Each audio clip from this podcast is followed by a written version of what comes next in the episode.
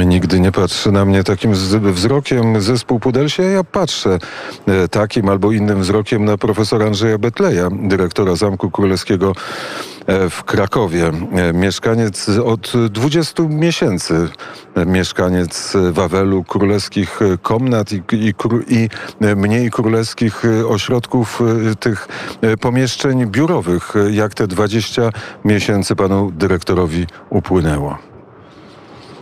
Płynęły bardzo szybko, zdecydowanie e, szybko, ale myślę, że to wynika po prostu e, z bardzo specyficznych okoliczności. Oczywiście pandemicznych, ale jednocześnie realizowanych wielu projektów na Wzgórzu Wawelskim. Myślę, że te 20 miesięcy to okres, kiedy Wawel zmienia się. Mam nadzieję, że jest tym, e, czym ludzie chcą, aby był. Oczywiście wszyscy wiemy, że Wawel to rezydencja królów, e, zamek. Znamy bardzo dobrze tą semantykę. I jest ona wrośnięta w nasze DNA, ale jednocześnie jest to muzeum. W związku z powyższym wiele inicjatyw wystawienniczych, e, wiele projektów e, na przyszłość, które mam nadzieję będą już się urzeczywistniały w przyszłym roku, bądź urzeczywistniają w tym roku. To duża praca organizacyjna, ale również no, myślę, że pewnego rodzaju sukcesy, które e, definiują to miejsce. To miejsce jest po prostu wyjątkowym. Wyjątkowym, naprawdę wyjątkowym. E, co do tego nie mamy wątpliwości, ale jak pan mówi wyjątkowe, to musi pan, mieć pan co innego na myśli niż ci, którzy po prostu przychodzą raz na 10 lat, żeby zobaczyć, czy na Wawelu się nic nie zmieniło. Ale myślę, że e, właśnie to się zmienia. Ludzie nie przychodzą już teraz raz na 10 lat. Myślę, że każdy znajduje pewnego rodzaju miejsca, pewnego rodzaju przestrzenie, dzieła, które może odkrywać na nowo, które może czasami wręcz poznać. E, odwołam się tutaj chociażby do wystawy Arrasów.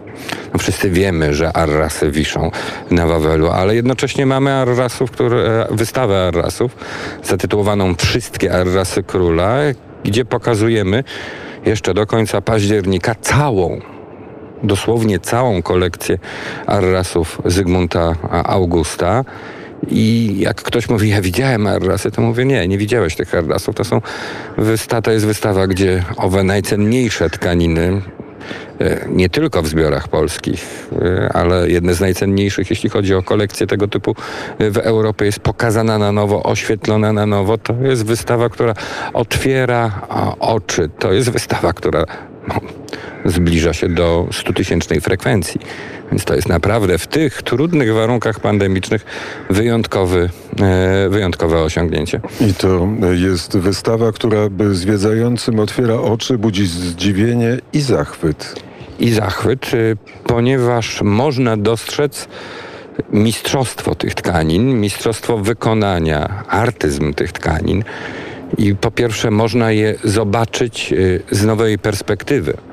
To jest wystawa, która uświadamia nam skalę, rangę tego, tej wielkiej fundacji Zygmunta Augusta, a jednocześnie uświadamia nam, że w tym czasie, połowa XVI wieku, Rzeczpospolita król, majestat Rzeczpospolitej był w stanie ufundować rzecz niewiarygodną rzecz, która nie spotyka się w takim wymiarze na dworach, innych dworach panujących w ówczesnej Europie.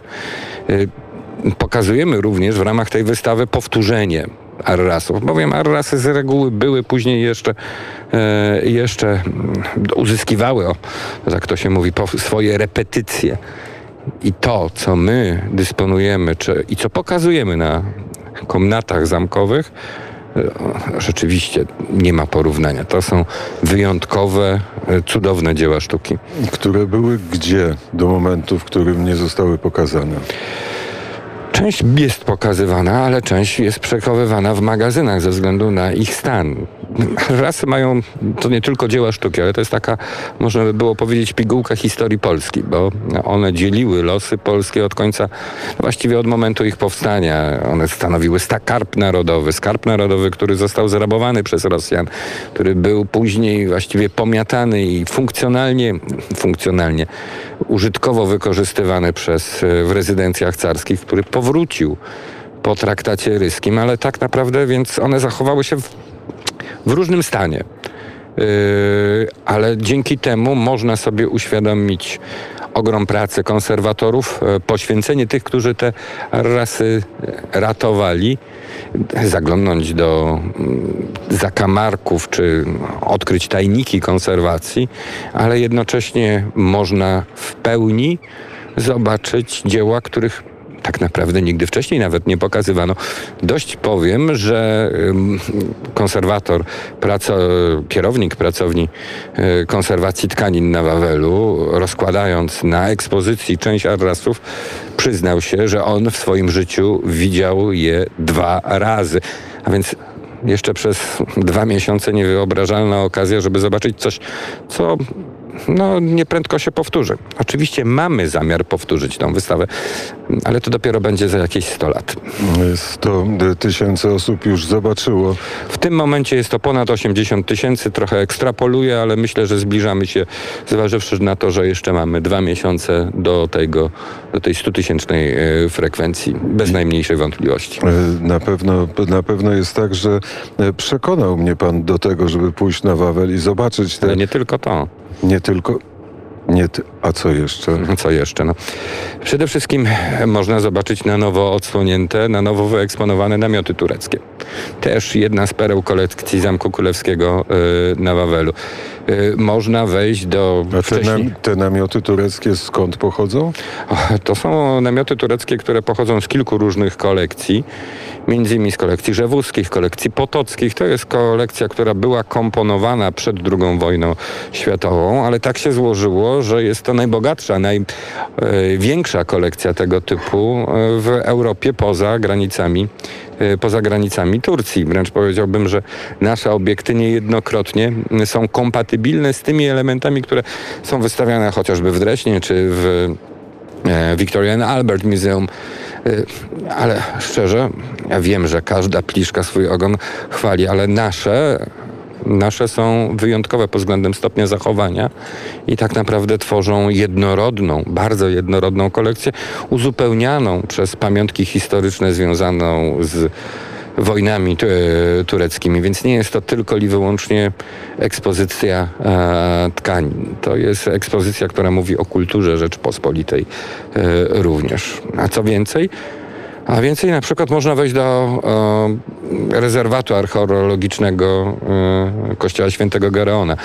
Myślę, że tak jak tak mówię, to mało kto to kojarzy o co chodzi, ale to jest to miejsce, w którym miał się znajdować pewien kamień mocy. Nie będę tutaj, bo jest to kwestia kontrowersyjna, mówił, ale nagle można znaleźć. Czakram. No dobrze, ale można nagle znaleźć się dla mnie przede wszystkim w bardzo interesującej przestrzeni kościoła z połowy XIII wieku. Nigdy wcześniej nie udostępnianego. No i mamy kolekcję Wawel odzyskane, mamy kolekcję Wawel zaginiony. To jest coś, co pokazuje, jak wielki potencjał e, jest Zamku Królewskiego na Wawelu jako instytucji. A myślę, że nasze przyszłe plany, nasze przyszłe zamierzenia które mam nadzieję ziszczą się e, już niedługo, e, będą kolejnym powodem do odwiedziny na Wzgórzu Wawelskim. To jest miejsce żywe. To jest nie tylko pomnik, ale jest to miejsce żywe, gdzie można dużo się dowiedzieć, można dużo się nauczyć, ale można również przeżyć. Przeżyć tą e, historię. I wcale nie wystarczy pójść raz na Wawel, nie wystarczy pójść z wycieczką, czy to szkolną, czy licealną ponieważ tak naprawdę zawsze są elementy, których może, które zaskakują. Wystawa Kranacha, zbroja Zygmunta Augusta, najnowsze nabytki złotnicze. No, myślę, że każdy znajdzie coś, co może być e, dla niego istotne, a jeżeli ktoś się po prostu chce e, zrelaksować na wzgórzu, zapraszamy do ogrodów królewskich. Za nie mówiłem, ale chciałbym do tych Ariasów i historii Ariasów wrócić. E, Po traktacie ryskim odzyskaliśmy Atras, a Ariasy, wróciły do Polski w jakim stanie i skąd? Po traktacie ryskim wróciły one z, oczywiście z Rosji sowieckiej. E, To tak naprawdę jest jeden e, nieliczny sukces tego traktatu ryskiego, który kończył wojnę z Rosją e, bolszewicką. Wróciły w stanie strasznym, poprzycinane we fragmentach i w ten czas rozpoczęła się wielka, wielka akcja konserwatorska, która trwa właściwie do dnia dzisiejszego. Rekonstrukcji, uzupełniania, scalania tychże arrasów. Bo tak jak mówiłem, one były traktowane funkcjonalnie, one były traktowane jak, nie jako tkaniny, które za czasów Rzeczpospolitej znajdowały się w skarbcu koronnym, tylko jako zwykłe obicia.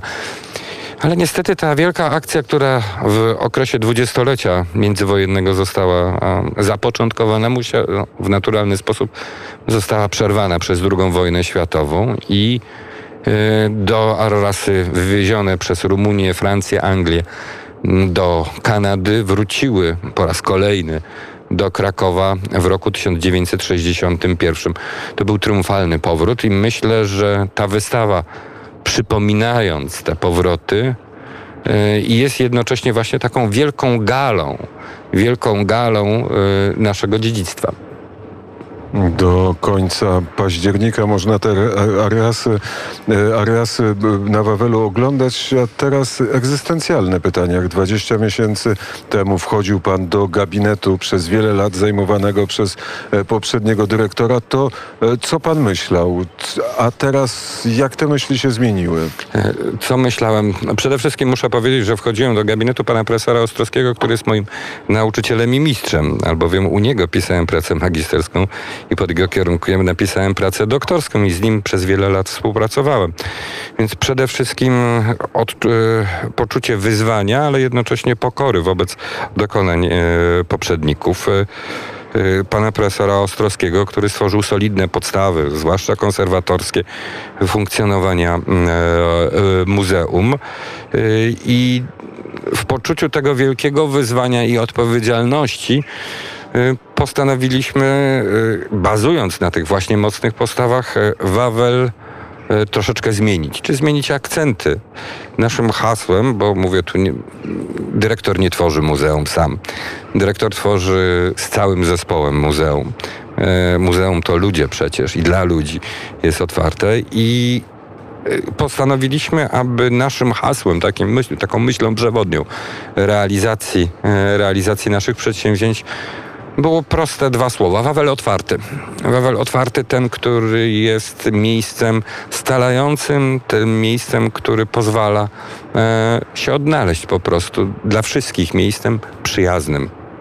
Dzisiaj gościem popołudnia wnet był profesor Andrzej e, Szczerski, pana następca na, sta, na e, stanowisku dyrektora Muzeum Narodowego. Kiedy pan był dyrektorem Muzeum Narodowego, to otwierano ten pawilon Czapskiego, w którym teraz jesteśmy. Tak, to była wielka uroczystość w kwietniu roku 2000, e, 2016, przy czym oczywiście również trzeba wspomnieć, iż zainicjowana przez e, panią dyrektor Zofią e, cały proces budowy tegoż pawilonu, wyjątkowego miejsca, był zainicjowany przez panią dyrektor Zofię, e, e, Zofię Gołubiew. E, Pawilon Józefa Czapskiego to wspaniały pawilon. Myślę, że bardzo się cieszę, że e, Radio Wnet tutaj funkcjonuje, że to miejsce żyje. Tak naprawdę musimy bowiem zerwać e, z pewnego rodzaju no, cały czas pokutującym wyobrażeniem, że muzeum to miejsce mm, stałe, niezmienne. To jest miejsce, w które tak naprawdę zawsze żyje. I to życie w tym pawilonie Józefa Czapskiego z pewnością ma miejsce. A w Krakowie jest ta nadzwyczajna ciągłość i pokoleń, i funkcji, i znajomości. Nie, Kraków nie. to rodzinne miasto. Kraków to rodzinne miasto. Kraków jest e, specyficznym i bardzo wyjątkowym, wspaniałym, e, wspaniałym miastem. Nie wyobrażam sobie życia poza e, Krakowem, W Białym ale Stoku jest równie pięknie. z pewnością mm, niedługo będę gościł w tym wspaniałym mieście.